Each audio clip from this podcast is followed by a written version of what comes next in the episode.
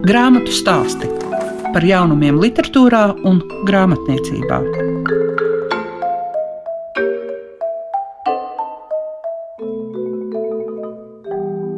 Esiet sveicināti visi tie, kas klausās grāmatu stāstus. Un šajā reizē raidījumu, ko veidojas Liega Piešiņa, mēs pievērsīsimies diviem ar grāmatniecību saistītiem konkursiem. Ja 1. maijā uzzināsim par Latvijas literatūras gada balvas konkursa rezultātiem, tad pirmdienas vakarā norisinājās zelta Ābele, kas ir grāmatu mākslas konkurss. Jau 29. gadu pēc kārtas tika noteiktas skaistākās grāmatas. Dažādās nominācijās ļoti liels prieks par uh, mūža balvu, kas piešķirta ilgadējai Latvijas grāmatu izdevēja asociācijas izpildu direktorei Dacei Pugačai, kas 26 darba gadus veltījusi grāmatniecībai. Tāpat uzzinājām par Mārtiņa Ratnika prieku. Viņš tika atzīts par gada mākslinieku, un kopskaitā astoņās pozīcijās tika pasniegts šis zelta ābols. Simbols, ko saņem gan izdevniecība, gan grāmatas mākslinieks. Protams, ka 20 minūtēs varam uzrunāt tikai dažus no šiem varoņiem. Zelta Ābeles žūrijas priekšsēdētāju Ievu Bečeri, par tiem arī klausieties. Grāmatu stāsti programmā Klasika. Cik viegli vai sarežģīti salīdzinājumā ar citiem gadiem bija izvērtēt zelta abeli 2021? Tas nekad nav viegli. Tas nekad nav viegli. Un droši vien šogad nebija ne grūtāk, ne vieglāk kā citus gadus. Šogad bija mazliet priecīgāk un mazliet krāsaināk, par ko mēs žūrī visi bijām tādi priecīgi pārsteigti. Kas pa gadiem ir mainījies? Zelta abelē ir senas tradīcijas. Manuprāt, ka šogad tieši tas krāsainums, daudzveidība un arī zināmiem māksliniekiem ir parādījušās kādas jaunas, mazliet tādas iezīmes. Ja mēs citus gadus, nu, jau pēc rokraksta neskatoties, varējām pateikt, kurš tas ir, tad šogad bija daudz tādu ļoti interesantu pārsteigumu. Vai izdevās arī tās grāmatas izlasīt? Visas noteikti nē, noteikti bērnu grāmatas, visas nē. Daļu, protams, šajā ziņā ir tas pats, kas vienmēr ir bijis, ka vienmēr jau izdevējs liels pūles, lai veidotu skaistu grāmatu, pieliek tai grāmatai, kur ir saturiski labi. Es nezinu, vai ir bijis kādreiz tāds gadījums, ka grāmata būtu nevērtīga, bet ļoti skaista. Man šķiet, ka nē. Man liekas, ka piemēram, tas, kas attiecas vismaz dzīslas ziņā, kā tas ir ar neputnu, ka tur ir jau tāda saturiski vizuālā koncepcija. Jā, noteikti. Jā. Var sakot, darbs ir tapis jau piedomājot pie vizuālā, un otrādi vizuālais ir veidots saskaņā ar saturu. Tur tas ir izteikti. Un ir nu, ne tikai dzējā, ir vēl interesantas grāmatas. Man ir prieks, ka daudz mākslinieki ir iemācījušies strādāt ar tekstu, lai tekstu padarītu interesantu, lai tekstu padarītu skaistu. Tieši teksta ziņā ir ļoti daudz tādu interesantu pieejamību šogad. Kas būtu tas, kas zelta ābelē būtu jūsuprāt maināms? Ļoti grūti pateikt, jo katru gadu rodas citas problēmas. Šogad, piemēram, bija ārkārtīgi daudz ļoti labu bērnu grāmatu. Šogad mums nācās dalīt bērnu grāmatas uz pusēm. Citu gadu tas varbūt tā nebūs. Ir bijuši gadījumi, ka mēs bērnu grāmatas dalījām ilustrētajās un teksta grāmatās. Šogad mums nācās dalīt pēc vecuma grupām. Jaunākajai un tad pusauģu vecumam. Un tikai tad, kad tu redzi, kas tev ir priekšā uz galda, tikai tad, tad tu saproti, gads, jā, jā. tikai tad tu saproti, ko varbūt vajadzētu šā vai tā darīt. Ah, viena lieta gan ir, ko es varētu teikt gandrīz droši. Vairs nebūtu nozīmes tik daudz uzmanības veltīt poligrāfiskajam izpildījumam. Mums ir trīs dažādas pozīcijas. Praktiski šajos laikos tie darbi visi ir tik labi, ka tur nav vairs kam piesieties. Reāli tā varētu būt droši vien viena pozīcija par poligrāfisko izpildījumu.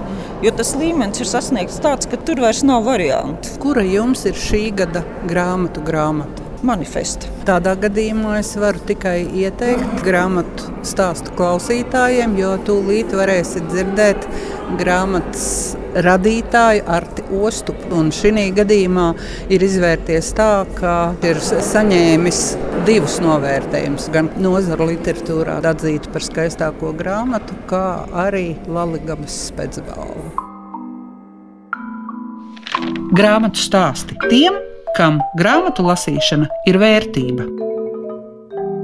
Es nezinu, cik populārs ir manifests cilvēkam arī ikdienā, bet katrā ziņā jau aizvadītā gadā Artis Ostops parūpējās, lai mēs domātu par to, kāpēc manifests ir vajadzīgs, ko tas dod, un ka izrādās, ka īsnībā to ir diezgan daudz. Bet kā vispār radās tā ideja par to, ka vajag apvienot tos manifestus? Ideja radās jau krietni pasen, kad mēs ar Dārzu Kreceri, kas tolaik vēl strādāja Neputnā, bijām Berlīnē, atceļā no Leipzigas grāmattirgus. Tad mēs apmeklējām tādu izstādi, kuras fokusā bija 20.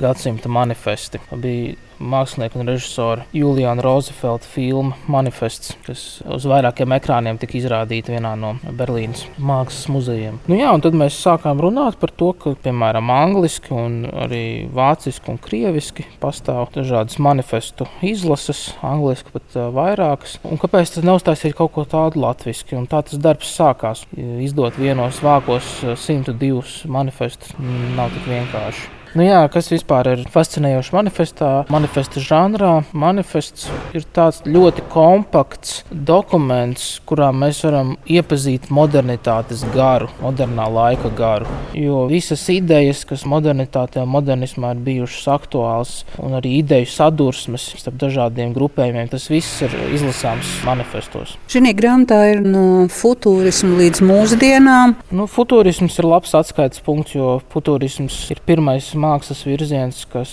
manifestu padara par pašpietiekamu literāru žanru, kas ir raksturīgs manifestiem pirms futurisma. Tie lielākoties ir sekundāri teksti iepratī mākslas praksē. Tie paskaidro jaunas tendences glezniecībā, piemēram, vai literatūrā. Bet sākot ar futurismu, manifests pats kļūst par to primāro žanru, kurā mākslas idejas tiek artikulētas. Nu, man šķiet, ka Kārmandam Zelčam ir ļoti labi izdevies veidot dizainu šai grāmatai ar šo vidējo pirkstu, kas ir nodrukāts uz pirmā vāka. Manuprāt, viņš piedāvā tādu ļoti labu metaforu, domājot par manifestiem. Manifesti, vismaz, ja mēs paskatāmies uz simts gadus seniem notikumiem, tad manifesti tiešām ir tāds apzināti rupjš žests. Tad, kad vispār sākāt to darbu, bija tā sajūta, ka būs tik daudz to manifestu. Patiesībā varēja būt vēl vairāk, bet kaut kur bija jāapstājas. Gluži divreiz vairāk, varbūt nē, bet nu, varēja būt vairāk. Jā. Nu, atlases princips bija tāds, vadīties pēc tā, kuri bijuši nozīmīgākie manifesti, kuriem ir bijusi lielākā rezonance. Tas bija viens kritērijs, un otrs kritērijs bija skatīties arī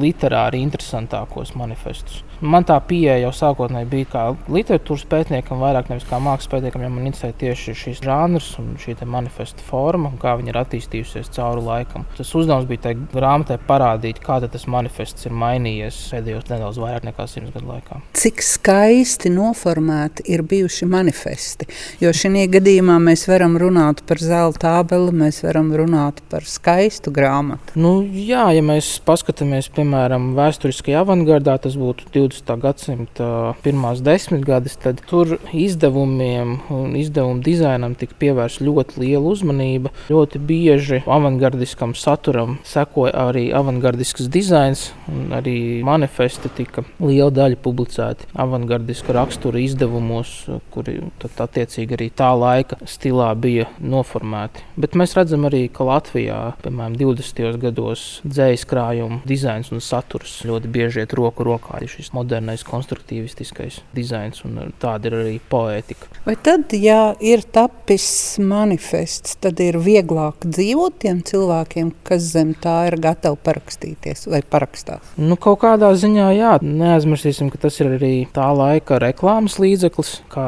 kaut kādu jaunu mākslas virzienu var pieteikt un izsludināt. Futuristiem ar to veicās īpaši labi. Viņi bija tādi mārketinga speciālisti savu laiku. Jā, tas manifests bija ļoti efektīvs līdzeklis. Un tas arī palīdz arī iezīmēt robežas, palīdz definēt noteiktas tendences mākslā un palīdz arī ieskatīties nākotnē. Vai nav tā, ka tie cilvēki, kuriem pašiem ir nepieciešamība šos manifestus arī uzrakstīt, ka viņi ir kategoriskāki nekā citi? sabiedrības locekļi. Tas atkarīgs laikam no laika. Es domāju, ka manifests mainās līdz laikam. Par modernitāti vispār saka, ka tas bija skaļš laiks, un tad arī manifesti bija skaļi.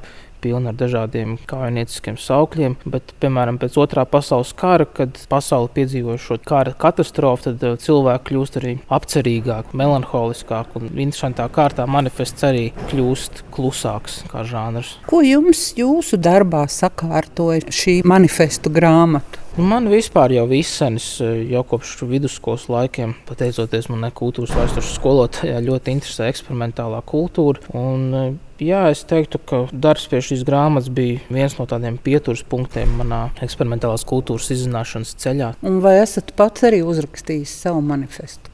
Nē, es neesmu uzrakstījis savu manifestu. Es pat nezinu, kāpēc. Laikam tāpēc, ka es pats nepārstāvu kādu konkrētu estētisku programmu. Arī nu, vispār mūsdienās manifests raksta mazāk nekā teiksim, pirms simts gadiem. Grāmatu stāsti programmā Klasika.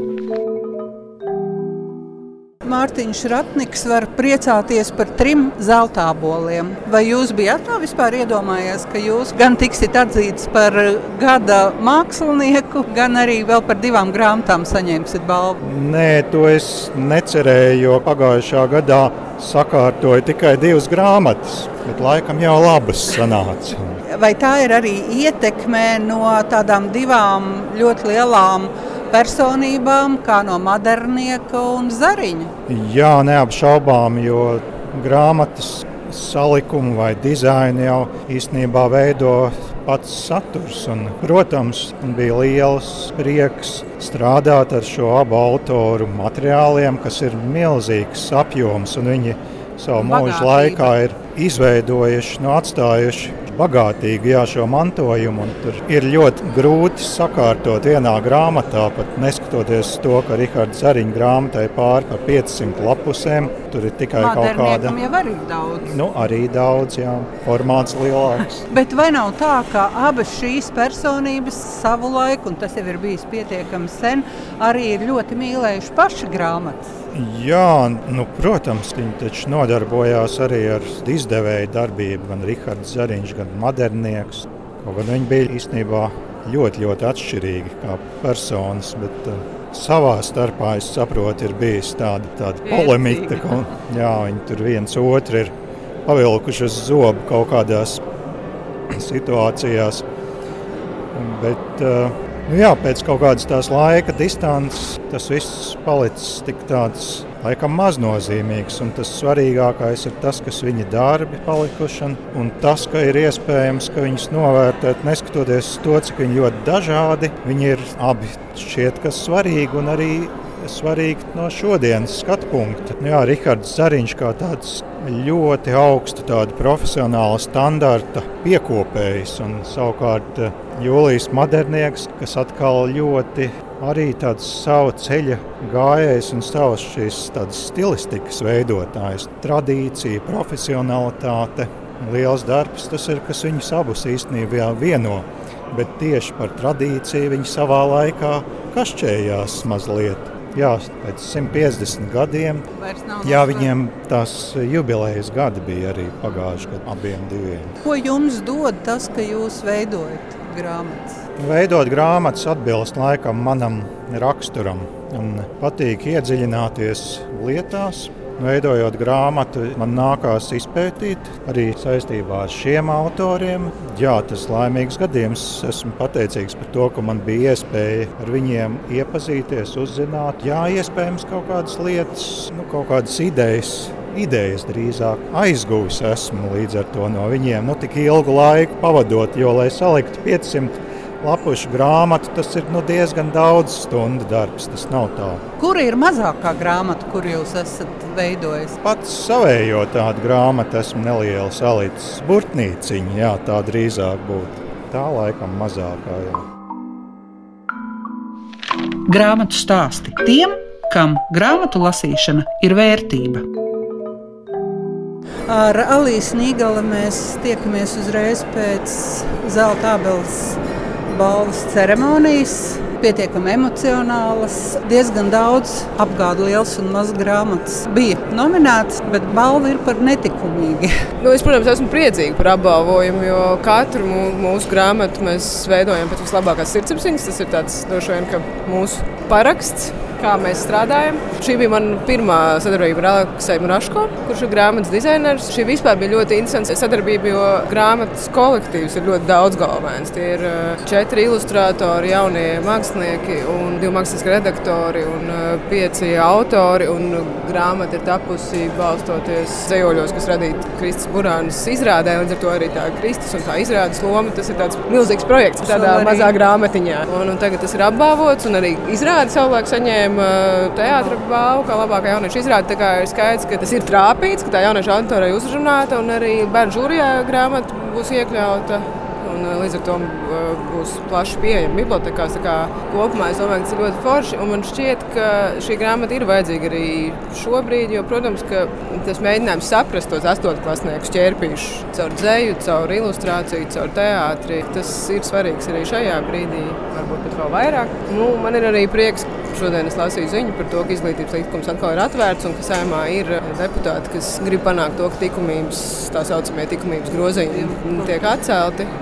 Kaut kādā ziņā gribētu cerēt, ka šīs balvas piešķiršana varbūt var mudināt kādu ja to grāmatu izlasīt, padomāt un, un pārvērtēt savus varbūt agrāk izdarītos lēmumus. Alis apgādam tuvojas 18. Tātad tāda nu, cilvēku vecuma pilngadība, bet uh, tas, ko var novērot attiecībā uz liels un mazs, ir tas, ka jūs jau zināt, kādu grāmatu jūs gribat, un ka jūs pasūtat vai meklējat to sadarbību ar autoru, lai runātu par nozīmīgām lietām. Tas ir interesants novērojums no tavas puses, jo man šķiet, ka īstenībā mēs diezgan intuitīvi bieži vien vadāmies. Bet laikam jau tas iekšējais, tas intuitīvais arī ir tāds labs vadmotīvs, jo tā mēs nonākam pie tām labajām grāmatām un sadarbībām. Nu, mēs cenšamies reflektēt gan par to laiku, kurā mēs esam, un radīt tādas grāmatas, kas ir tiem mūsdienu bērniem un jauniešiem svarīgas. Tāpat laikā mēs cenšamies arī savās grāmatās un tēmās un piesaistītajos māksliniekos, viņu rokrakstos, stilos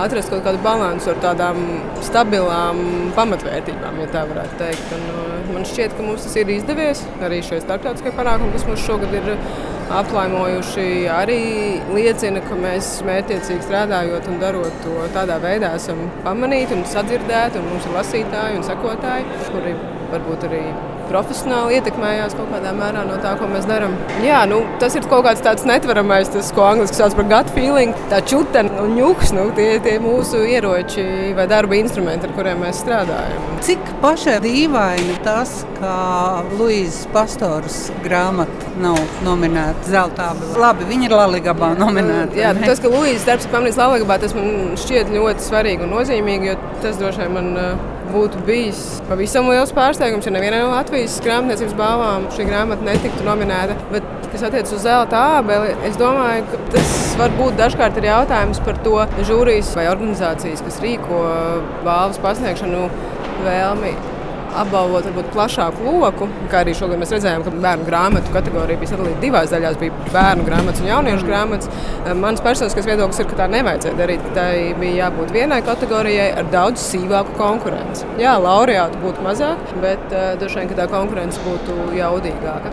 Un es domāju, ka laimes bērniem, jā, nu tas, tas, protams, ir kaut kāds skats, žūrija ir subjektīva. Man tas ir pārsteigums, ka tā grāmata nav nominēta šeit, bet eh, tāpat laikā katrs žūrija izdara savas izvēles. Un, uh, es esmu ļoti priecīga, ka savukārt starptautiski tieši šī dizainera un ilustrātoras uh, sadarbība un veikums tika pamanīti, jo Boloņas šūrijā jau, protams, visa grāmata netika izlasīta. Viņi vērtēja pirmkārt dizainu un ilustrāciju. Un tas, ko Arts Briedis un Evija Pītāna ir izdarījuši, tādu papildus vērtību viņi šai grāmatai ir piešķīruši, tas noteikti ir ievērojami. Un, tas bija arī tas, ko teica Boloņas šūrija Viņi bija fascinēti no tā, ka šāds uh, stāsts, kā vecākai, mēs viņu mērķējam, ja tā var teikt, vecuma auditorijai no 11 gadiem uz augšu, ka šāda grāmata ir tik dāsni ilustrēta. Tas viņu vērtējums bija, ka jā, arī vecākiem bērniem ir svarīgs uh, ilustrēts stāsts. Izskan grāmatu stāsti. Šīs dienas raidījumā jūs dzirdējāt gada mākslinieku Mārtiņu Ratniku zelta ābeles žūrijas priekšsēdētāju Ievu Bečeri, Arti Ostupu, kurš var lepoties ar savu grāmatu manifests no futurisma līdz mūsdienām, arī izdevēju Alisi Nīgali. Jo zelta abols arī izdevniecībā nokļuva par dzejas krājumu pusauģiem netikumīgie. Līdz citai tikšanās reizei visu labu jums saka Liega Piešiņa. Grāmatu stāsti par jaunumiem literatūrā un grāmatniecībā ik trešdienu, 9.5. ar atkārtojumu Svētdien, 18.15.